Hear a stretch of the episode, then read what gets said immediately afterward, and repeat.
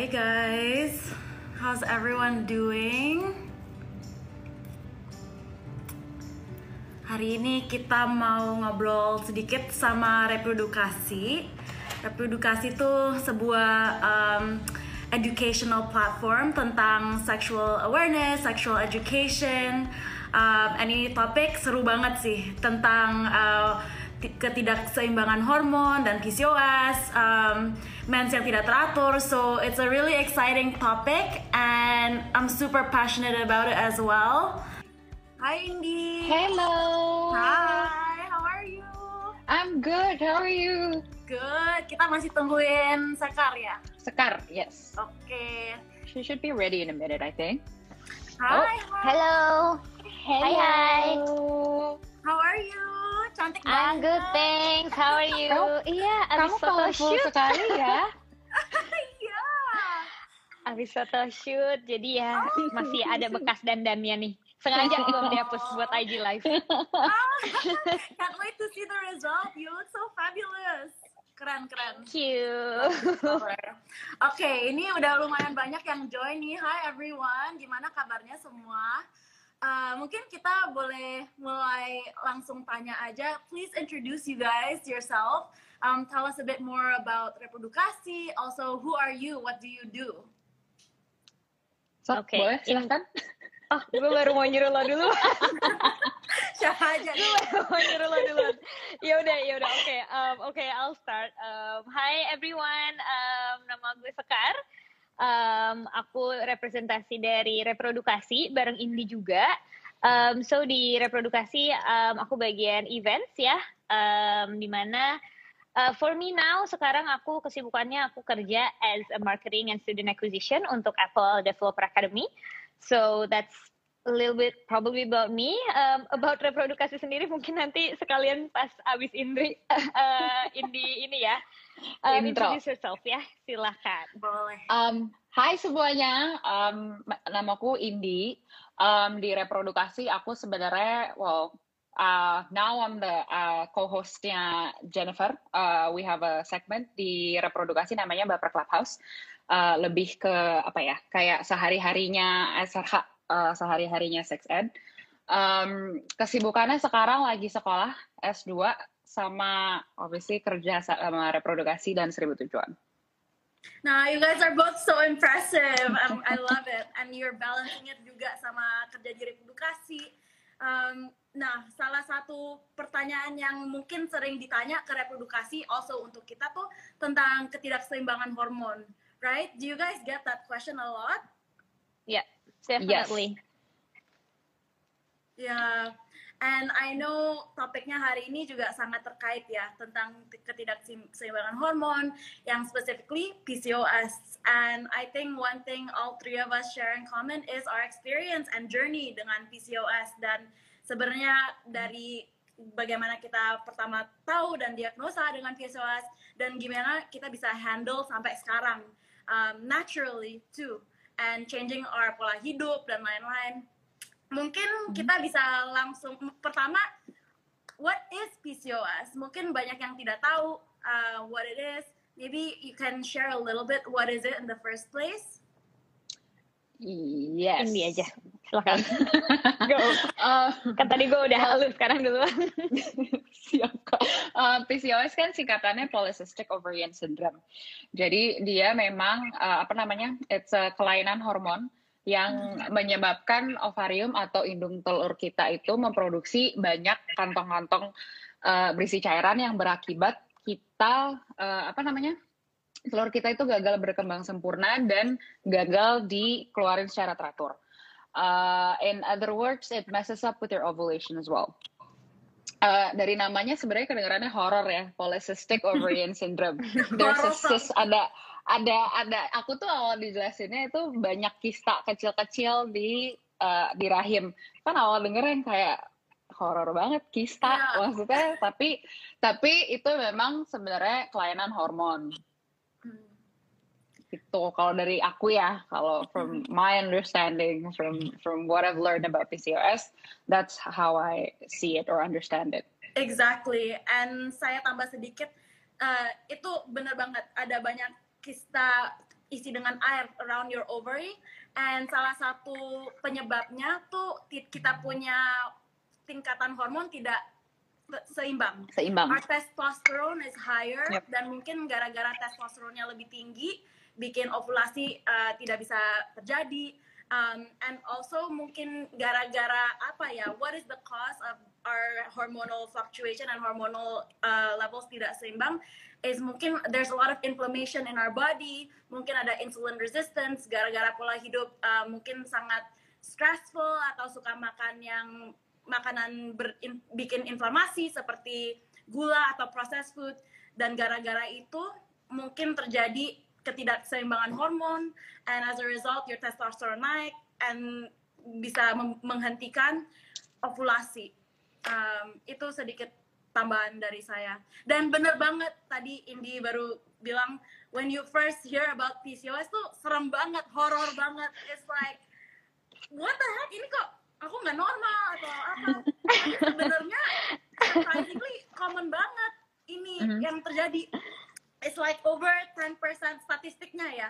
Over 10% of people have PCOS tapi aku rasa sih it's way more. I think that that's a low yeah. estimate karena banyak yep. perempuan mungkin tidak sadar bahwa mereka punya mens tidak teratur sebenarnya tuh gara-gara yep. penyebab PCOS. Uh, what do you guys think? Yes, um, banyak it's iya. cargo. Oh, oke. Okay. Alright. Um, kalau menurut gue juga iya sih sama. Uh, menurut aku juga sama. I think uh, banyak banget orang yang mungkin they do have PCOS gitu ya, tapi mereka nggak tahu. Karena honestly aku juga nggak tahu di awal. Yeah. Aku nggak tahu sampai sampai akhirnya aku ngetes gitu ya. Sampai akhirnya aku tes um, waktu itu lagi medical check up biasa.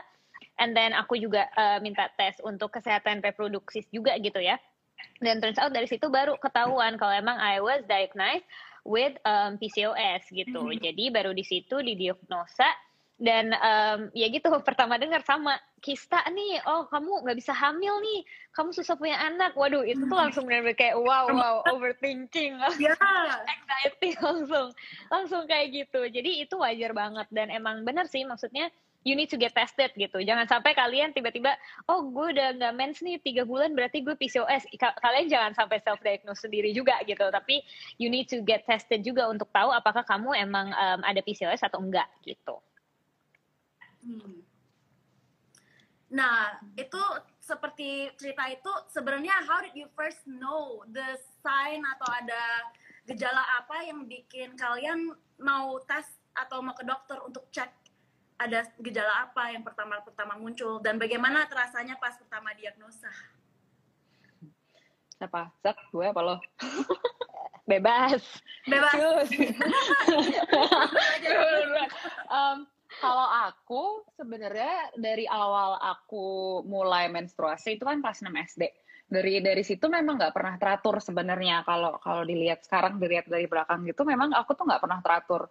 Eh, tiga uh, bulan sekali, kadang enam bulan sekali, kadang sakit banget dan banyak banget, ntar kadang tiba-tiba stop nggak ada apa-apa. Dan waktu dua tahun pertama itu aku udah mulai voice my concern karena uh, apa namanya kok teman-teman aku setiap bulan kok aku enggak kok teman-teman aku tuh bisa prediksi aku tuh awal-awal malah nggak tahu kalau misalkan kayak all of my friends tuh bisa gitu yang kayak oh seminggu lagi dapat gitu terus aku yang kayak huh?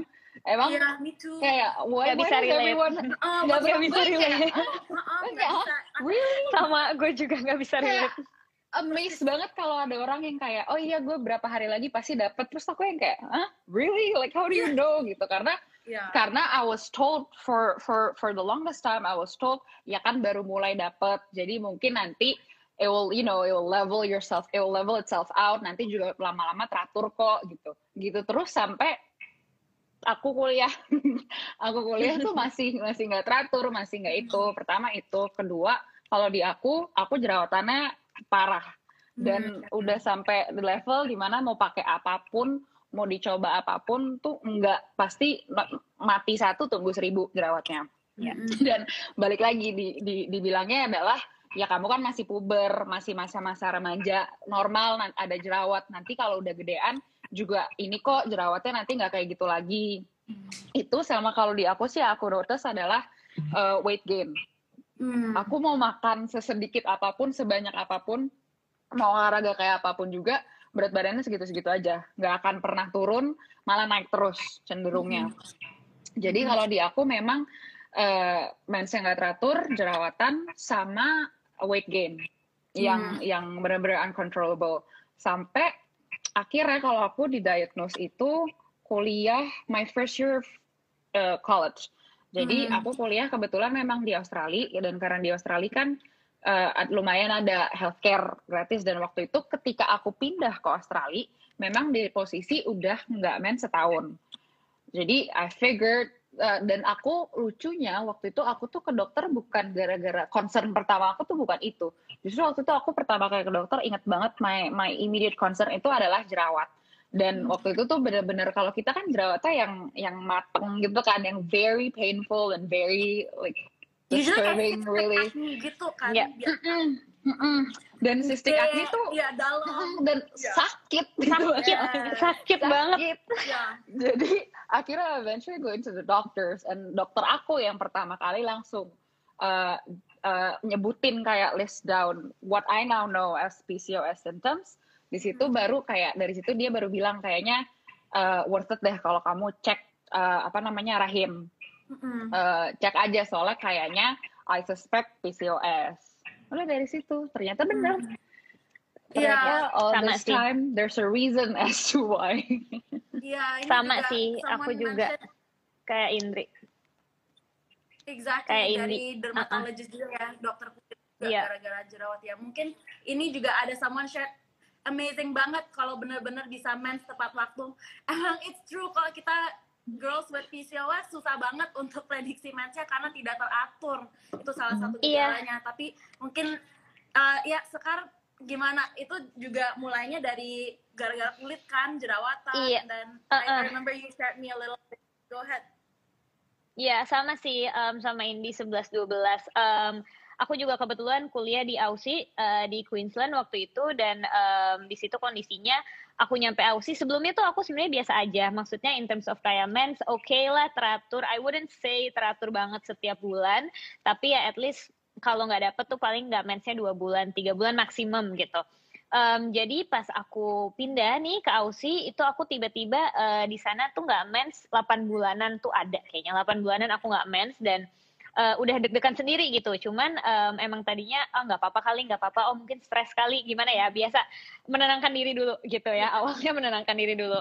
Tapi kalau untuk urusan kayak um, aku jerawatan itu udah dari SMP bahkan SMP SMA tuh aku udah struggling with acne terus um, aku emang buluan ya maksudnya emang emang lebih banyak rambut tubuhnya hmm. gitu di aku kayak di kumis juga itu tuh um, dulu struggle banget tuh karena dulu kayak ya biasa ya sama teman-teman suka kayak, eh kalau cewek kumisan? Gitu-gitu. Sekarang biarin aja, you just say it whatever you wanna say. Um, tapi gara-gara itu berangkat dari situ terus plus gue plus gue nggak mens gitu ya 8 bulanan sampai akhirnya di sana I, I went to the doctor gitu. I went to uh, the doctor di sana healthcare-nya juga oke okay. and then I figured out juga kayak akhirnya dia um, saranin aku untuk tes gitu. Aku lupa nama tesnya apa dia saranin aku untuk tes gitu. And then when I got tested ya di situ baru aku tahu kalau emang um, aku emang ada PCOS gitu. Dan untuk orang-orang PCOS ya ketika dapat gitu ya ketika mens itu tuh rasanya ya ampun luar biasa kayak lega gitu ada kelegaan tersendiri yeah. excitement sendiri kayak oh my god gue kan? orang lain malah nggak gitu. suka kalau dapet yeah. kita malah seneng banget ya kita malah seneng yeah. aja gitu oh, I tell everyone yeah got it I'm in balance berarti lagi self care berarti successful bener banget I can relate yeah, banget ya apalagi ini gejala-gejala kita mengalaminya pas lagi remaja ya and it's so hard. Everyone lagi going through puber tapi kita tambah ditambah lagi. Banyak masalah bikin lebih insecure lebih malu. Hmm. uh, it's hard. Apalagi kita mulai gejalanya dari saat mungkin SD uh, saat mens pertama mulai. So ini banyak challenge yang pertama kali diagnosa mungkin menjadi gimana ya it's quite stressful and bikin insecure yeah. banget gak sih jadi yeah. malu jadi yeah. what's wrong with me gitu iya yeah. um, of course dan yang kalian bilang gejala-gejala ini semua terkait dengan penyebab PCOS tuh salah satunya gara-gara testosteron kita tinggi ya.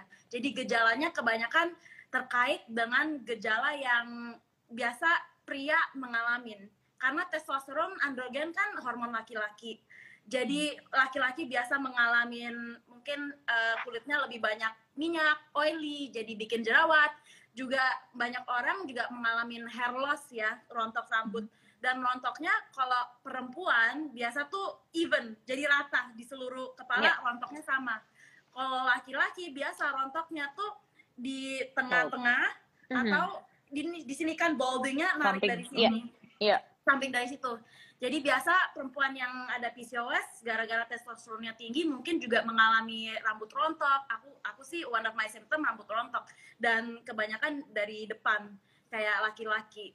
Um, dan salah satunya yang tadi juga di mention pertumbuhan bulu di seluruh. Itu sangat-sangat common juga karena salah satu uh, ini salah satu yang laki-laki sangat common juga kan. Laki-laki biasa bulunya lebih banyak gara-gara yeah. androgen lebih tinggi. Nah ini mm-hmm. PCOS gara-gara testosteron tinggi juga ada isu ini juga. Dan salah satu one more yang weight gain tadi Indigo juga mention kalau laki-laki biasa kalau weight gain kan di around the stomach kayak di perut daerah perut kalau perempuan biasanya di daerah paha and the legs mm -hmm. kan kayak pear shape gitu yeah. kalau laki-laki kebanyakan katanya apple shape jadi perempuan yang mengalami PCOS mungkin weight gainnya juga lebih seperti laki-laki um, and I know that's one of the issues I have juga uh, in terms of um, susah banget untuk lose weight padahal uh, I did every diet tapi susah banget karena kita ujungnya juga ada banyak insulin resistance ya. And hmm. ini di comments ada salah satu yang tanya penyebab PCOS tuh apa aja ya? Sebenarnya ada macam-macam ya. Uh, maybe I can start off sedikit and you guys can add on. Tapi salah satunya mungkin inflamasi, salah satu lagi mungkin uh, gara-gara resistensi insulin. Jadi gara-gara insulinnya, insulin tuh sebenarnya apa ya? itu salah satu hormon yang dirilis untuk bantu kita punya blood sugar um, gula darah untuk lebih stabil. Jadi misalnya kita makan manisan atau karbohidrat seperti roti ya. Kalau kita hmm. makan roti mestinya kan tingkat gula darah naik sedikit tapi akan turun lagi. Yes. Tapi mm-hmm. kalau orang yang insulin resistance gara-gara insulinnya udah out of whack udah nggak jalan mungkin gara-gara kita kebanyakan makan gula or whatever jadi dia kalau kita makan gula kita punya tingkat gula darah naik banget dan turun banget naik banget dan turun yeah. banget nggak stabil kayak orang biasa yeah, um, yeah. karena insulin kita udah nggak nggak functioning normally um, jadi semua hal-hal ini bikin body kita agak out of whack ya nggak nggak nggak stabil and as a mm-hmm. result yeah. insulin resistance mungkin bikin androgen kita androgen tuh uh, hormon laki-laki seperti testosteron bikin yeah. itu lebih naik dan as a result nggak bisa berovulasi nggak bisa uh, terus keluar gejala yang tadi dimention juga um, itu it's a bit from me but mungkin kalian juga ada tambahan Iya, yeah. I also do wanna add kalau PCOS itu yang yang yang menjadi membingungkan atau yang menjadi tricky adalah there isn't enough research to know what exactly causes PCOS. Yes. Itu yeah. yang menjadi sesuatu yang buat kita menjadi tricky karena kita tuh nggak tahu sebenarnya mana nih yang duluan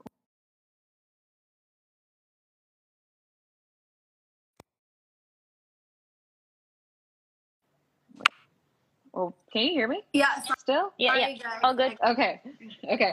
Uh, but ya, yeah, jadi kita tuh nggak tahu sebenarnya muncul duluan yang mana. Uh, that's the tricky bit about with me personally ya when I first found out itu adalah karena belum terlalu banyak research yang ada. Jadi kayak it's hard to determine sebenarnya mana dulu. Tapi yes, all the above mentioned uh, apa uh, causes yang dimention memang itu contribute. Tapi the tricky bit is like we don't know which yeah. one comes first karena researchnya belum yeah. belum cukup dan ada juga yang bilang mostly genetics which in my family might ring true karena my mom and my cousin ada yes sama. jadi it might ring true tapi then again baik lagi like I can't say for certain karena belum ada research yang yang akhirnya menyatakan bahwa oh iya gara-garanya tuh ini gitu Hmm. Iya. Terus ada paling symptoms ya, maksudnya um, hmm. it's something yang ya yeah, you can predict, you can ask your doctors about it gitu. Tapi again balik lagi ini sebenarnya awal mulanya karena apa ya? Gue juga nggak tahu gitu. Tiba-tiba yes. aja gitu. Hmm. Iya, seperti endometriosis juga ya. Ini one of yes. the two most common reproductive imbalance, endometriosis, PCOS, dua-dua sebenarnya penyebabnya masih agak question, agak uncertain juga. Uh, tapi salah satunya sih inflammation di, di tubuh, makanya kita benar-benar harus fokus on self care and all. Mm. And that's why mungkin kita lumayan bersyukur ya kita dapat diagnosanya lumayan awal mungkin karena dokter juga lebih mengerti di di Australia as you mentioned hmm. and um, mungkin di Indonesia kadang for me when I got diagnosed juga banyak misdiagnosa jadi mereka ini pas tahun 2013-an ya. Jadi zaman dulu zaman dulu it feels not so long ago tapi sebenarnya lumayan lama. Zaman dulu PCOS belum se common kayak belum di ngomongin sebanyak sekarang. Now it's so yeah. common. Tiap kali kita posting PCOS banyak orang DM kita juga oh aku juga PCOS padahal it, it's like so much more common than than we than we expect karena orang-orang nggak -orang nggak nggak terbuka ngomonginnya iya yeah. yeah. Benar. Ini ada komen juga bilang, aku juga lagi ngalamin itu menstruasi gak teratur dan hanya dua hari terus berhenti. Jerawat juga susah sembuh dari SMP sampai kuliah. Mm-hmm. Cewek berkumis bersatu. Ya. Yeay. Harus girl power. girl power, girl power. Iya, iya, bener. Um, jadi kita udah ngomong sedikit tentang gejalanya yang kita mengalami. Selain itu, mungkin pas kita diagnosa pertama, kalian bagaimana diagnosanya? Jadi pas ke dokter uh, kandungan OB, OBGYN mereka tes apa aja how did they diagnose you hmm, kalau aku sih awalnya karena uh, itu ya maksudnya tadi aku bilang kalau mens aku nggak teratur aku udah 8 bulan gak mens is it about hmm. stress apakah karena stress atau apakah aku apa am I not healthy enough apa aku kurang olahraga lah atau aku kurang makan hmm. sayur or something like that I mean itu kayak otomatis aja nggak sih muncul di di benak lo gitu ketika lo emang nggak yeah. um, nggak normal gitu jatuhnya ya. Nah, um, yeah, that's that's that's what I asked sih basically ke dokter aku, and then uh, dari situ baru uh, dia nyaranin, dia nanya-nanya lah symptomsnya, emang lo emang jerawatan atau enggak? Uh, do you have kayak uh, rambutnya rontok atau enggak? Terus kayak uh, mm-hmm. kamu punya uh, apa kalau kalau misalkan dilihat dari sekarang emang kamu buluan ya gitu. Maksudnya emang um, there's a lot of body hairs juga kayak gitu Nah, aku tuh lupa nama tesnya apa uh, sejujurnya. Cuman tesnya itu tuh uh, semacam kayak kamu tau gak sih kayak kalau misalkan uh, USG untuk orang hamil kan di perut ya. Nah, ini tuh modelnya it's kind of like the same but probably smaller ya. Nah, itu tuh dimasukin ke dalam vagina kamu. Mm-hmm. Nah, yeah. jadi di situ Yes. Ya, aku lupa banget namanya. So maybe if, yes, you know the name yeah. itu tuh. Nah, jadi dimasukin ke dalam vagina, um, and then nanti di situ tuh kayak nge-USG bagian um, apa sih tuba fallopi ya, bagian hmm. rahim kamu di di di apa sih di USG bagian dalam situ. Nah dari situ yeah. tuh kelihatan tuh pas udah keluar hasilnya, udah keluar apa sih kayak fotonya gitu ya, hasil USG-nya udah keluar, baru kelihatan kalau emang ada kayak uh, titik-titik putih-putih bola kecil-kecil gitu lah. Di mana itu adalah kistanya yang um, hmm. itu sebenarnya ya again dia kasih tahu ya dokter aku bilang juga it's nggak nggak bahaya sebenarnya. Cuman ya uh, kurang lebih nanti kamu simptomnya akan seperti ini. Yang kamu rasakan begini kalau kamu mungkin kebanyakan stres kamu bisa nggak dapat dalam jangka panjang. Tapi ya again you don't need to worry kecuali kamu emang pengen um, uh, pengen get pregnant soon gitu. Kamu pengen hamil dengan cepat gitu ya mungkin kamu perlu take some um, hormone pills gitu. Cuman aku hmm. bilang enggak, aku nggak berencana hamil in uh, in a very uh, soon gitu ya. Dan dia bilang ya udah kalau enggak ya nggak apa-apa, kamu benerin aja dulu dari lifestyle-nya kayak gitu. Yes. So itu sih kalau pengalaman aku mungkin ini mirip-mirip 11 12. Persis, cuma I did got my blood tested. Jadi they yeah. also tested for hormone levels kalau yeah. aku. Okay. Tapi memang from what I know ya untuk untuk ngediagnos PCOS itu dibutuhkan tiga ya. Seingat aku, this is just purely from memory. Uh, yeah. Pertama itu adalah your uh, history. Jadi kayak udah berapa lama uh, kalau bisa tuh tracking kalau nggak salah berapa lama nggak dapetnya gitu-gitu kira-kira your doctors will ask you a set of questions terus habis itu kedua uh, scan itu scan yang tadi sekarang omongin sama uh, yang blood yang hormon test itu kalau according Aku to juga my ada doctor deh kayaknya blood lupa, according to my according to my doctor tuh biasanya uh, dua dari tiga tersebut kalau sudah terpenuhi biasanya sudah menghasilkan diagnosa PCOS. Kalau that's the information I got. Mm -hmm. yeah. Exactly. Jadi itu untuk di summarize, of course kita perlu tes darah ya, karena untuk cek kadar uh, hormonnya yang tadi baru dibilang. Karena biasa testosteron tinggi dan as a result uh, biasa progesteron kita nggak bisa naik, jadi nggak bisa hmm. keluar menstruasi juga uh, yeah. dan nggak bisa ovulasi. Nah itu pertama tes darah. Kedua yang USG yang tadi baru dibilang juga diceritain Sekar juga.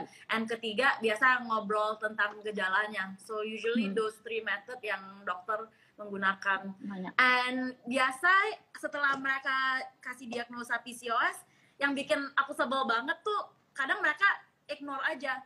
They say yang per, yang pertama mereka bikin agak agak takut ya. Mereka bilang oh kamu nggak bisa hamil loh atau ini bisa bikin infertile loh. Itu bikin aku kayak stres banget. Ya anxiety banget langsung. banget. mikirin punya anak aja belum. Iya. It's like bikin serem banget. And then setelah mereka bilang gitu mereka bilang um, unless you're trying to get pregnant ya nggak usah khawatir tentang masalah ini but that's not true banget you have to take yeah. care of it mulai dari sekarang kalau nggak nanti mendadak banget kalau mau hamil it's like you should yeah. take care of it starting now ya yeah? yeah. kalian mengalami gitu juga agak and as a result how did they tell you to fix it did they give you any drugs atau any medication atau um, disuruh disuruh makan obat apa kalau aku sih waktu itu uh, karena kan balik lagi ya the the the first reason kan aku masuk itu kan karena jerawat. Jerawat yang yang sebenarnya ganggu banget tuh karena sakit.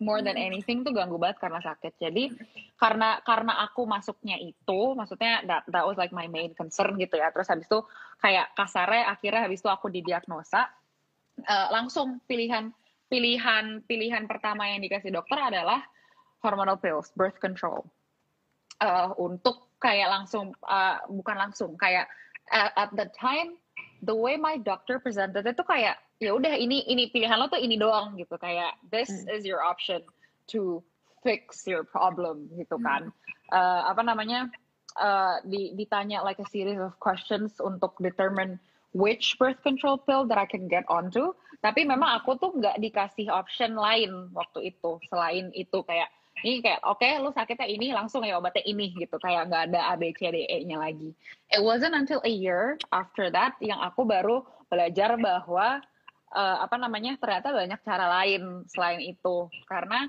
with me birth control pills ended up messing up with my mental health Yes. Karena kan it's it's a large dose of hormone juga ya yang masuk ke badan gitu. Jadi kalau aku efeknya jadi spiking up my anxiety.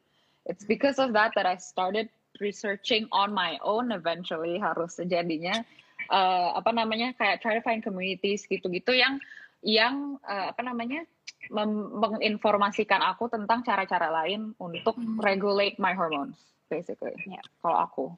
Kalau aku sih fortunately ya, uh, fortunately my doctor waktu itu mungkin aku lebih lucky juga kali ya. I, I was lucky kalau my doctor waktu itu nggak nggak kayak oh oke okay, lo sakit ini lo minumnya ini doang gitu. Jadi gue nggak kayak gitu sih luckily. Jadi waktu itu aku uh, dia bilang oke okay, you have an option if you do wanna get pregnant very soon gitu. Adalah minum birth control. Tapi kamu kan sekarang masih kuliah ya and I assume that you're not um, thinking about getting pregnant very soon gitu. Dan aku bilang iya aku emang nggak mau hamil as for now gitu uh, mungkin nanti nanti masih entah kapan gitu kan and then he said ya udah ya udah kalau gitu you don't need to take this karena um, uh, birth control terus kayak um, pil KB gitu-gitu ini tuh uh, mungkin ada side effectnya juga yang di mana kamu harus tahu juga nanti side effectnya ada apa aja. Tapi kalau emang kamu nggak berencana hamil dengan cepat, I would say um, you just um, apa sih perbaikin lifestyle kamu gitu. Kamu sehari-hari makan apa? Kamu sehari-hari minum susunya sebanyak apa? Do you eat like cheese, do you eat carbo? Gitu-gitu kan. Kamu makan nasi nggak? Segala macam kayak gitu. Itu semua ditanyain. dan um, dari situ aku uh, jadi tahu juga gitu loh kalau ternyata um, as soon as you know that you are uh, that you do have PCOS gitu ya kalau emang you don't want to take the meds gitu itu tuh sebenarnya bisa dari lifestyle. Itu kalau yang aku dapetin dari dokter aku ya.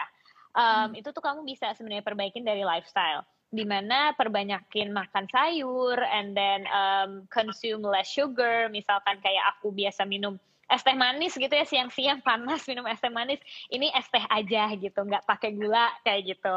Terus kayak I usually uh, aku udah mulai switch juga tuh dari beberapa tahun yang lalu aku mulai switch dari nasi putih itu aku ganti nasi merah atau nasi coklat kayak gitu. Jadi kind of like merendahkan um, gulanya juga intake gula. Even though yeah sometimes I do have a cheat day di mana aku pengen makan coklat cake I wanna eat like tiramisu mm. I wanna of eat like pizzas and stuff. Dan itu kayak ya udah I mean itu sekali gitu loh itu sesekali and that's fine. Uh, karena aku juga nggak mau I don't wanna be depressed I don't wanna be uh, I don't wanna have like uh, increasing my anxiety karena kepikiran kalau aku PCOS hmm. gitu so I don't want that either. Jadi um, aku tahu nih misalkan kayak tiba-tiba kok kayaknya gue udah lama gak mens oh kok kemarin kayak gue kebanyakan gula nih. Itu tuh aku udah hmm. mulai bisa kayak ngontrol gitu. Kayak kemarin gue kebanyakan makan kue gitu gitu yeah. itu tuh aku udah mulai kayak bisa jadi kayak tahu gitu nah jadi dari situ paling besoknya ya udah karena udah cheat day kemarin beberapa hari and then I turn back to salad turn back to juice kayak gitu jadi dari situ sih palingan aku belajar juga karena dikasih tahu juga sama dokter aku kalau that's not the only way nggak cuma minum obat doang gitu the only way kayak gitu sih kalau aku Nah, ini terkait juga ada dua pertanyaan. Yang pertama tentang how to do it naturally. Nanti kita bisa jawab lebih dalam juga. Dan satu lagi pertanyaan dari Kak Ola, Ola herself, juga tentang glukopak. Dan yang tadi baru dibahas juga tentang tingkat gula yang nggak makan sebanyak es teh manis dan lain-lain. Let's talk about these two questions in a bit ya. Tapi sedikit tambahan tentang obat-obat yang biasa dikasih preskripsi dari dokter. Yang pertama pil KB yang juga di offer ke kalian berdua, tapi side effectnya banyak banget. Including mental health dan biasa kalau mau mau hamil in the future harus dipikir juga ini kalau makan pil KB mungkin ada berdampak juga nggak ke in, ke fertilitasnya di masa depan. So kalau bisa sih rather do it naturally ya daripada hmm. masukin hormon sintetik ke dalam tubuh karena ya banyak side effect juga uh, including yeah. mental health dan juga physical health. Um, selain itu glukopat yang super common yang tadi ditanya juga oleh herself. Yang ketiga spironolactone. Um, glukopak tuh sebenarnya benar ini obat diabetes dan prediabetes karena yang ta seperti tadi kita bilang pas awal IG live salah satu penyebabnya of PCOS tuh insulin resistance yang kita punya insulin tidak teratur makanya kita punya blood sugar uh, tingkat gula darah juga up down up downnya uh, very volatile dan gara-gara itu emang um, emang PCOS tuh salah satu turunan sakit diabetes atau pre-diabetes. Dan perempuan yang mengalami PCOS juga harus lebih hati-hati karena biasa resiko pre-diabetes juga lebih tinggi. Makanya ya. uh, dokter sering kasih obat glukopak ini. Yang salah satu namanya glukopak juga metformin. Itu dua namanya obat sama.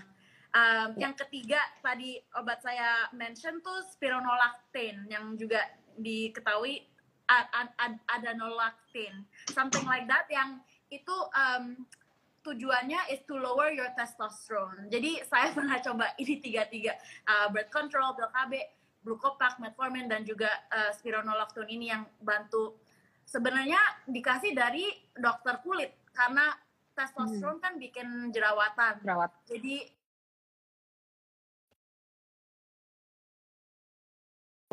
guys aku ada uh, apa okay. ada block up Instagram if I use it too long jadi mungkin I use it so they blocked it. Tapi um, I can fix that for now. Sorry for the disruption gangguannya tadi. But ya yeah, yang aku bilang yang ketiga itu spironolactone untuk turunin testosteron yang bisa bantu um, gejala lain juga. So all three of those are some medication yang dokter sering kasih. Dan yang kita baru bilang kan it's better to do the natural route. Kalau bisa cara alami aja dari dari mengubah pola hidup dan lain-lain. dan pas banget ini Kak Sylvia ada pertanyaan. Salah satu solusinya memperbaiki pola hidup bagaimana ya? Uh, langkah sederhana apa yang dapat dilakukan memperbaiki pola hidup apalagi buat anak kuliahan yang pola hidupnya terbilang berantakan. Nah, bener banget karena kita semua juga tahunya pas kita kuliah ya yang schedule dan mungkin stressful banget. Gimana kalian mungkin bisa bantu jawab dan kalau kalau yang lain ada pertanyaan tanya juga ya di comment box di bawah. Uh, gimana okay. nih Kak Sylvia punya kalau, pertanyaan? Oke, okay, kalau ini um, I'm aku ngomong based on um, yang disarankan dari dokter aku juga ya. Jadi um, uh, I mean this is what I do sekarang juga. Um, lebih ke aku banyakin olahraga sekarang sejujurnya. Jadi uh, apalagi um, since the pandemic ya, since tahun lalu Uh, kayak blessing in disguise mungkin ya bisa WFH di rumah gitu kerja di rumah jadinya sorenya masih bisa malamnya masih bisa nih sempat olahraga nggak kecapean di jalan gitu. Nah aku itu banyakin olahraga um, yang tadinya aku tuh ya honestly aku emang dulu nggak pernah sih oh namanya olahraga tuh males banget apalagi kuliah. I know I, I remember how it felt di mana kuliah tuh kayak aduh udah gue ke olahraga tuh sama sekali nggak kepikiran um, tapi I figured kayak ya udah I need to start gitu ya dan aku akhirnya memilih olahraga yang emang kira-kira tuh gue sukanya apa sih gue cobain aja tuh olahraga satu-satu lari ke sepedaan ke bulu tangkis muay thai itu gue cobain satu-satu sampai I found something yang kayak oh, oke okay, gue suka ngerjain ini gue akan commit at least seminggu sekali itu hmm. kalau dari physical. Nah, hmm. selain itu juga aku um, disaranin juga untuk lebih uh, banyak makan sayur. Karena dulu aku anti banget sama sayur. Aku benar-benar dulu kalau makan tuh nggak ada sayur-sayur sama sekali dan akhirnya aku paksain. Aku benar-benar paksain tuh yang namanya makan sayur sampai sekarang kebiasa aja lama-lama gitu. Kebiasa. Terus again Lama -lama yang kayak tadi craving sayur ya. Kalau udah makannya iya. you crave iya. healthy. Uh -uh. Bener. Uh -uh, soalnya Bener. jadi nggak seger kalau cuma yeah. nasi sama lauk tuh jadi kayak rasanya oh, begah. Gitu doang sayurnya mana? Uh-uh, dan lama craving for it, terus kayak oh gini rasanya craving for uh, vegetables gitu. Pertama harus terus, mulai, pertama mungkin susah to start craving. Iya. Kalau udah biasa, enak. Karena ya, have to like paksain. Uh-uh harus paksain terus ya itu tadi kayak nasi putih aku switch tuh jadi uh, nasi merah terus kalau emang let's say aku lagi nggak lapar-lapar banget nih ya udah aku makan lauk doang gitu nggak pakai nasi bahkan kayak gitu nah hmm. itu sering aku iniin juga terus ya um, kurang-kurangin makan kayak um, sweets and stuff which is very very hard. Sampai sekarang aja aku masih ya yeah, very hard. That's the hardest one kalau buat aku. Um, karena aku sangat amat I'm, I'm a sweet tooth banget. Jadi kayak that's very hard. Gitu sih paling kalau aku dan ngurangin. Kayak oh susu juga tuh. Misalkan aku susu sapi biasanya itu aku switch jadi um, almond milk kayak gitu. Kayak gitu sih palingan hmm. yang aku disaranin Nah, ini yang tadi dibilang juga penting ya, in term of exercise, do what sticks with you. Jadi nggak usah iya. maksa yeah. untuk do something yang hmm. because everyone else is doing hit, high intensity interval training, kalau nggak cocok sama kamu ya do something that you like. Yeah. And malahan yeah. kalau perempuan dengan PCOS lebih baik olahraga yang nggak terlalu stressful ya, yes. karena kita punya kortisol udah lumayan yes. berantakan. Not only our insulin berantakan, say. tapi juga kortisol kita. Yes. Jadi sebenarnya lebih baik disarankan untuk olahraga yang ring lebih ringan. Jadi whether it's more walking, aktivitas yeah. di seluruh hari, eh, di um, kalau lagi kerja get up and then walk around sedikit, nggak mm -hmm. harus intens-intens lari, lari, lari, hit dan lain-lain. Um, mm-hmm. Yoga is good. Yeah. Dan sebenarnya uh, weightlifting sebenarnya disarankan baik banget karena mm-hmm. kita emang tubuhnya banyak testosterone. The benefit yeah. is bikin muscle-nya lebih gampang. And yeah. as a result, kalau lebih banyak muscle, kita punya metabolism juga akan lebih baik dan insulin right. resistance yeah. juga akan dibantu. Um, mungkin Indigo It's... juga ada tambahan tapi yeah, it's funny. ini ada pertanyaan yang terkait juga nih bisa dibantu jawab pas Indigo ngomong. Okay. Tapi go ahead, you go first. Okay. No, it's funny that you mentioned that actually karena aku itu akhirnya I found out about uh, the relationship between cortisol level and exercise tuh pretty later during kayak setahun lah setelah aku tahu bahwa aku tuh punya PCOS dan yeah. memang yang yang sering banget diinin adalah kan uh, apa namanya coba aja turunin berat badan siapa tahu ntar level out gitu kan. Yeah. But the thing is I cannot lose weight. Yeah. So like no matter what I do I cannot lose weight. Mission impossible. Funnily, uh-huh. lucunya kenapa aku akhirnya bisa turun signifikan jujur aja waktu itu tuh aku turunnya sangat signifikan because the only workout that I've ever done is walking. Yes. That was the only thing I did. Jadi tuh aku nggak pernah gym, aku nggak pernah nggak nggak pernah ngambil kelas apa apa, nggak pernah apa. Waktu itu memang untungnya aku tinggal di Australia dan aku nggak punya mobil, jadi ke mana-mana harus jalan. Yeah. Jadi pasti yeah. tiap hari tuh sepuluh ribu tuh pasti this masuk. guys. Yes. Sepuluh ribu tuh pasti masuk. Tanpa ki- tanpa aku harus nyoba gitu karena ke mana-mana kan harus jalan jadi without me even realizing it after a year I lost ternyata banyak banget gara-gara itu dan Yeah. it wasn't until the, last year actually during the pandemic yang aku baru kan nggak bisa jalan nih kan pandemi maksudnya Yeah. bisa tapi kan maksudnya it's, it's it's a bit more apa ya kayak jalan-jalan walking around sama jalan di treadmill Yeah. kan lumayan beda dan lumayan kerasa Beda. kan kalau treadmill kalau Mhm. ternyata lumayan kerasa di situ baru aku discover slow weighted workout like slow weighted Hmm. workout jadi kayak kalaupun aku ngangkat apa ngangkat berat tuh ada ada caranya sendiri karena kan the key itu supaya kortisolnya nggak spike up kan tiba-tiba Exactly.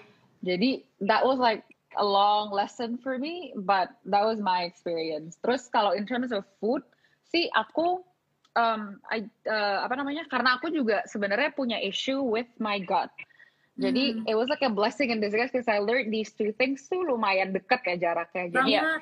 with me uh, apa namanya juga I learn I I tried to observe untuk melihat makanan-makanan mana yang sebenarnya causes inflammation in my body. Yes. Jadi for me specifically tuh banyak I have like a very long list of things that turns out will upset my stomach, will therefore causes inflammation. Tapi the two things that I remember cutting out tuh lumayan awal banget itu adalah tepung dan susu. Karena Hmm. ternyata kalau di aku ini dua ini bikin kembungnya luar biasa, which is a sign of your apa inflammation sebenarnya di aku. Iya. Yeah. Jadi the one thing that I would probably suggest ya kayak coba maka, maksudnya observe makanan yang biasa kita makan dan observe how you feel after. Karena kalau kalau habis makan rasanya begahnya tuh nggak keterlaluan tuh biasanya there's something in your food that causes you to feel that way. Yeah. Jadi ya. I couldn't have said it better. Sebenarnya gluten free and dairy free itu membantu banget untuk PCOS karena akarnya tuh terkait dengan inflamasi and inflamasi kebanyakan mulai dari usus your gut. Mhm.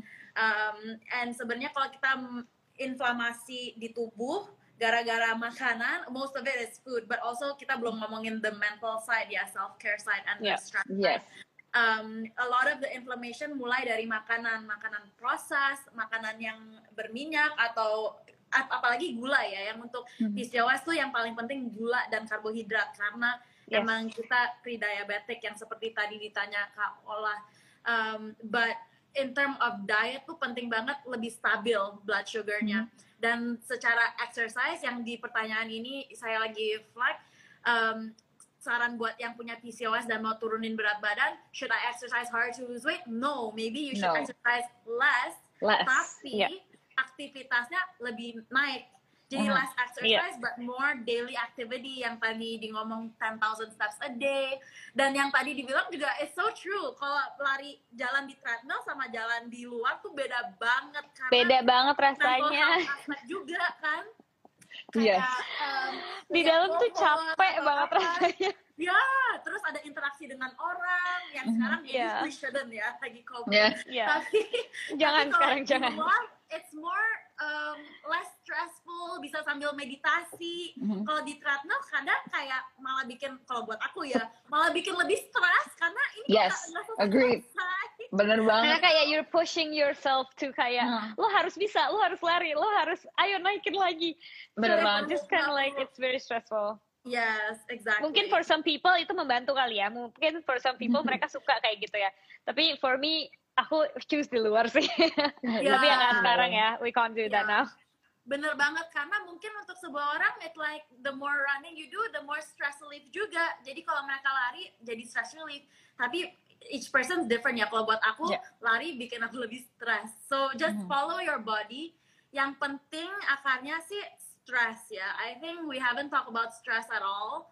Stress has a huge role in PCOS karena mungkin gara-gara stress kita ngidam makan gula, of course. Dan mungkin kalau gara-gara stres bikin tidurnya kurang dan as a result kalau kita capek the quickest source of energy kan karbohidrat gula. Jadi Hmm. kalau capek langsung makan gula atau cookies uh, Yeah. coklat. Dan gara-gara stres ya it's it's the root of all the issues. Stres bikin inflamasi di tubuh juga. Ya. Yeah. so Iya. yeah what do you guys think? Uh, that's the one thing that I sebenarnya aku tuh nggak belum uh, tidak menyadari itu secara penuh sampai balik lagi ya tahun lalu. so when the really the pandemic hits and it, it apa ya kayak uh, rutinitas yang selama ini aku udah bangun tuh kayak bukan berantakan ya tapi kok kayaknya ada yang kurang gitu. So like last year was really was the year kayak ketika aku mulai mempelajari hubungan stres. And that's where I learned about like cortisol and like exercise and like all that Yeah. stuff tuh bener-bener tahun lalu. Kalau in terms of like the um, the mental side of it all. Sih aku memang uh, tiap pagi dan setiap malam. Karena balik lagi ya it's it's all about observing your body. Dan aku tuh menyadari satu kalau pagi dan malam itu biasanya masa-masa di mana aku like in terms of like the entire day itu yang paling stres tuh biasanya pagi dan malam karena pagi bangun mikirin uh, all the things that I have to do today Iya. and then like right before I go to bed it's all the things that I did wrong today Iya. These two are, Setuju. are the times yang yang sebenarnya stresnya lagi terlalu spike apa terlalu tinggi tuh di aku dua ini dan cara aku combat adalah eh, apa namanya meditasi. Of course there are like huge a lot of different ways to meditate tapi kalau malam pun aku meditasinya tuh dengan dengerin sleep stories. Hmm. Like there's a lot of different Okay. ways to meditate. Tapi buat aku tuh pertama adalah penting untuk observe your body and observe how you feel throughout the day. Karena di situ tuh bisa bisa di detect gitu yang kayak kalau stres tuh kenapa, biasanya kapan. Gitu tuh uh, it's very important to like again listen to your body to know. Terus cara meditasinya bagaimana? Indigo pakai apps atau App. ada rekomendasi app juga nggak? Kalau aku sih pakai Insight Timer, it's free. Kalau. Insight Timer, Insight Timer free.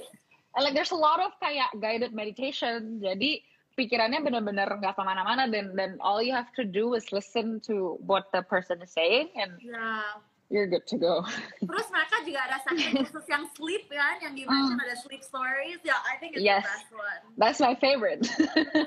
Temen aku kerjanya li- like he's involved in a lot of meditation apps. Dia bilang yang sebenarnya paling authentic untuk meditation sama yogis and all sebenarnya Insight Timer. Yang lain Hmm. they're all great sih, don't get me wrong. Do what suits you, but Yeah. I think Insight Timer paling authentic. Yang lain agak for me agak rasanya agak kepaksa ya, or like very commercialized or something. But Yeah. Insight Timer is so good. Um, Dan Insight Timer banyak option sih. There's like a lot of option in Insight Yes. Timer that you can It's- explore. It's great. Kalau dari Sekar, any other tips yang morning routines, night routines yang bantu stress and all? Um, kalau dari aku about stress, um, biasanya sih kalau aku stress masih ya of course ya eh, kalau dulu tuh emang lebih sering eh, waktu kuliah. Cuman kalau sekarang itu lebih ke kayak kalau kerjaan gue lagi banyak banget nih gue tahu nih seminggu kemudian dua minggu kemudian gue tahu gue lagi numpuk kerjaan itu I can get stress easily gitu. Apalagi kalau I don't have kayak eh, routine yang di mana aku bisa ngikutin. Nah, what I do every single day adalah kalau aku bangun nih ya, aku mulai buka laptop, aku mulai kerja, itu aku selalu naruh di to-do list. Kayak hari ini tuh aku harus ngapain aja. Biar aku nggak overthinking dengan hal-hal yang, oh iya gue udah, gue ini, gue udah ini belum ya, eh aku udah selesai ini belum ya, aku udah ngerjain ini belum ya. Itu tuh bisa menuin kepala banget di saat Hmm. kalau ditulis, ya sebenarnya kita bisa runtutin aja dari awal apa yang harus kita kerjain. Nah, eh, aku biasanya still um, stick to that gitu. Jadi I stick to that and also kalau misalkan selesai kerja itu aku biasanya once aku finish kerja gitu ya. Kerjaan aku udah selesai. Ini maksudnya bukan bukan kayak aku harus selesai jam 5 gitu enggak karena kadang kerjaan aku baru selesai jam 9 malam gitu. Dan itu nggak apa-apa, itu nggak apa-apa kalau buat aku. Um, that is fine by me. I mean, I like working, I like my work juga. Tapi once aku udah nggak kerja, I will stop all work-related communications. Jadi ya udah mau mau ada yang ngechat aku tentang kerjaan ya aku balasnya besoknya gitu. Meskipun aku Ya. udah tahu nih ada notif, tapi aku akan balas besoknya. So No, to dulu tuh aku girl. Mm-mm, dulu tuh aku nggak bisa kayak gitu. Dulu tuh aku tipe yang kayak oh ada chat people needs me, I need to like please them now, I need to reply to them now. Ada notif dikit, oh gue harus balas gitu. Sekarang tuh aku lebih kayak ya udah, I mean this is not something yang kayak I mean there's no one dying gitu loh Yeah. In- in- unless someone's dying I will gitu tapi kayak sekarang enggak kalau urusan kerjaan we can put it aside for now Yeah. jadi itu juga help me untuk kayak I can kayak oh oke ini waktu buat kerja ini waktu buat gue gitu jadi that's really um, helpful sih buat aku Mhm. selama ini Iya. gitu emang self care and bikin waktu untuk sendiri harus diprioritaskan. No one else is gonna. Like, if someone wants to take time from you, ya you have to make that time untuk diri sendiri juga. Kadang kalau perlu banget ya block your calendar. Ini waktu Yeah. untuk aku journaling, ini waktu Hmm. untuk aku meditasi. Jadi kalau perlu dipaksa ya, you need to force it karena itu waktu Yeah. sangat-sangat penting dan itu investment ke diri sendiri kan. Like Iya, if you can 100%. love other people, you have to love yourself first. Yes. Dan Iya, yang bener ini banget. stress tuh itu stress is the enemy ya. Ini Mhm. salah satu akar yang apalagi zaman sekarang zaman modern tuh sangat sangat sangat common. Semua orang stres. Dan sebenarnya stres dan insulin kembali lagi ke insulin itu sangat terkait. Karena kan kalau stres kortisol hormonnya naik. Kortisol tuh Mhm. hormon stres. Mhm. kalau kortisol hormon naik sebenarnya ini salah satu penyebab insulin naik juga jadi kadang bisa terasa kalau aku nggak makan apa-apa pun kok insulinku naik gara-gara mungkin Karena kortisol. So Iya. sebenarnya ini semua terkait, everything is linked together, and you really have to focus on reducing the stress. Um, yang tips like journaling, meditasi ini semua sangat sangat penting dan juga sleep ya. Sleep is Yes. so important for me Yes. ya tidur Iya. tuh penting banget harus tidur yang cukup tidurnya not only cukup waktu durasi jamnya tapi juga kualitas tidurnya Kualitas. jadi kadang lebih Iya. baik jangan lihat HP sebelum tidur Mhm. dan kalau journaling sebelum tidur atau meditasi sebelum tidur kadang it's helpful juga ya jadi pikiran-pikirannya semua keluar dari dari otak Um, Yes. jadi you're not overthinking it and gak bisa tidur akhirnya Hmm. ya Hmm. Yeah. setuju sih Mm-mm. Selain itu ya mental health is a huge huge thing to focus on also. So yeah, guess the bottom line with like PCOS juga kayak every kayak PCOS yang misalkan kan kita bertiga nih we all have PCOS tapi cara kita ya uh, apa ya cara kita deal with it are different. It's because everyone's bodies are different. Jadi Iya. kayak it's also equally important to like kayak tahu you have to pay attention to your body and how it feels untuk tahu yang mana yang menjadi solusi terbaik buat badan kita masing-masing Iya, what works for Yeah. you is maybe different from what works from me. yes iya. Nah ini waktu kita udah mau habis. What other tips, the bottom line, what other overall takeaways do you have untuk mungkin yang nonton yang ada PCOS or they think they might have it? What tips do you have? Um, kalau dari aku sih lebih ke, I mean taking from my own experience gitu ya. Eh, di saat dulu tuh aku, um, and I'm still talk, I mean ini kayak gue ngomong masih ke diri gue sendiri juga sebenarnya sampai saat ini. kayak tips and trick for myself juga untuk sekarang. Um, kayak try to not overthink your PCOS too much di saat kayak stress causes I mean stress would would be one of the cause uh, yang di mana itu causing PCOS-nya worse gitu. Di saat when you overthink about your PCOS, it goes back to stress gitu. Yeah. Jadi kayak those anxiety moments di mana kayak dulu tuh um, pertama kali aku tahu tuh aku kayak I, uh, kayak gimana ya caranya misalkan nih I have a partner, how do I tell them that I have this?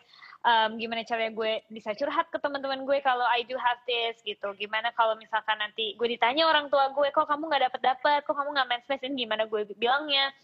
Itu tuh bener-bener kayak, and kayak misalkan ntar adik gue, kalau misalkan adik gue juga ternyata ada PCOS, ada symptomsnya, should I tell her, should I like tell that I also have it atau gimana? Itu tuh mungkin buat orang-orang yang nggak nggak nggak ada PCOS itu mungkin nggak kepikiran sampai situ tapi for me personally itu it's uh, itu another beban pikiran gitu loh selain your daily life gitu.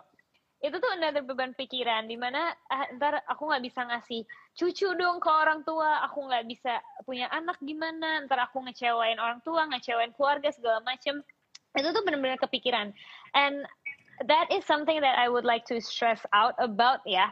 Kayak I I'm, sampai sekarang pun aku masih mencoba untuk nggak overthinking what shouldn't have gitu loh maksudnya kayak I am balancing more about my lifestyle. Aku juga sekarang lebih mencoba hidup lebih sehat, olahraga, uh, makan sayur, makan yang sehat, ngurangin gula segala macam. Tapi sometimes kalau tiba-tiba kayak pernah nggak ya normal lah ya tiba-tiba kepikiran oh ya gue belum mens oh ya eh, ntar gue hmm. anak oh ya itu itu pasti ada gitu dan those moments itu di mana aku sekarang mencoba kayak ya udah nggak apa-apa tenang aja tenang aja everything is going to be alright meskipun aku juga nggak tahu gitu tapi iya. trying to kind of like calm yourself and just go back ya udah nggak apa-apa kan bisa bisa hidup lebih sehat kan masih lama juga pengen punya anaknya kan uh, apa nanti kalau kalau doa juga ya cowok nanti bisa ada jalan gitu loh ada jalan keluar it's fine gitu jadi kayak those kind of things um, do not stress out too much about your mm-hmm. PCOS because that's just gonna yeah. cause you more stress. Yeah. Uh, yeah. So yeah, itu sih paling kalau dari aku my tips And probably. Kadang it's also easier said than done ya. Kayak mm. yes. jangan khawatir, but of course pas pertama diagnosa everyone's gonna feel anxious. Tapi yang infertilitas itu tuh salah satu mitos. We can still get pregnant and still have healthy children. Jangan, yes. jangan khawatir. Ya, yeah, it takes work. Kita harus put in the effort juga untuk fertile mm-hmm. dan take care of our hormone tapi bisa uh, just yeah. follow the tips yang kita udah bahas tadi um, yep. dan ya yeah, even if you feel anxious saat awal-awalnya it's okay to feel anxious at the beginning. Emang it's something scary something new. But after that ya yeah, don't let it stress you too much. It's very mm-hmm. common. Kita banyak banget yang mengalami yang sama. So don't don't stress yourself out. Um, mm-hmm. and ya yeah, kalau dari Indigo ada any other tips? Um, kalau aku sih cuma satu, if you do kayak know the signs kalau misalkan emang uh, apa the symptoms yang tadi kita sebutin applies to you, it's okay check yourself out to an OBGYN. Yes. Seriously please. kayak kalau yes, misalkan please. ada yang bilang kayak oh nanti juga levels itself out gitu-gitu. Kalaupun nantinya emang emang tidak ada apa-apa gitu, at least you've already gotten checked uh, got it checked out. At least you Karena know kalau, gitu loh kalau emang yes. gak ada apa-apa. Yes, yeah. karena kalau didiemin lama, kalau diiniin, it will become an issue for you. So kayak kalau emang notice symptoms yang out of the ordinary, sebenarnya it's so okay to check yourself to OBGYN yeah, yeah. kalau aku sih. True. Daripada tanya-tanya lewat Instagram, you know, a lot of us we get a lot of questions. Ini normal nggak? Ini nggak normal, normal nggak? You know at the end of the day check with your doctor karena mereka yang yes. bisa lakukan USG dan mereka bisa tes darah all of that jadi penting banget to check with your dan doctor. it's okay it's okay guys it's okay, it's okay. It's untuk okay. ke OBGYN it's fine yes. even though kamu belum nikah Nita. even though kamu belum hamil even though kamu nggak hamil it's fine yes. even though kamu belum nikah Nita. even though kamu belum hamil even though kamu nggak hamil it's fine yes it's okay just yes. please go kalau memang kamu ngerasa ada sesuatu yang yang nggak um, normal gitu ya. Oh ini ada sesuatu yang salah. Iya, yeah, malah ini it to do. It Benar is. banget. Um, anyway, ladies, ini udah seru banget ngobrolnya. I can't believe udah lewat satu jam. um, it's been so great, and apa, we're really really thankful for you know opening about your personal stories karena um, when you are open about your stories, maybe other people juga rasa lebih comfortable with their own too, and they realize they're not they're um, normal and bisa mm-hmm. direlate dengan teman-teman lain. Jadi thank you so much udah berbahas dengan sangat terbuka um, and I really enjoy talking to you guys. thank you thank for you having so much us. for having us. Ih barengan. Hati-hati semua. Stay yes, home. everyone stay, stay safe. Stay home, be safe. Thanks, guys. Thank you. Bye. Bye.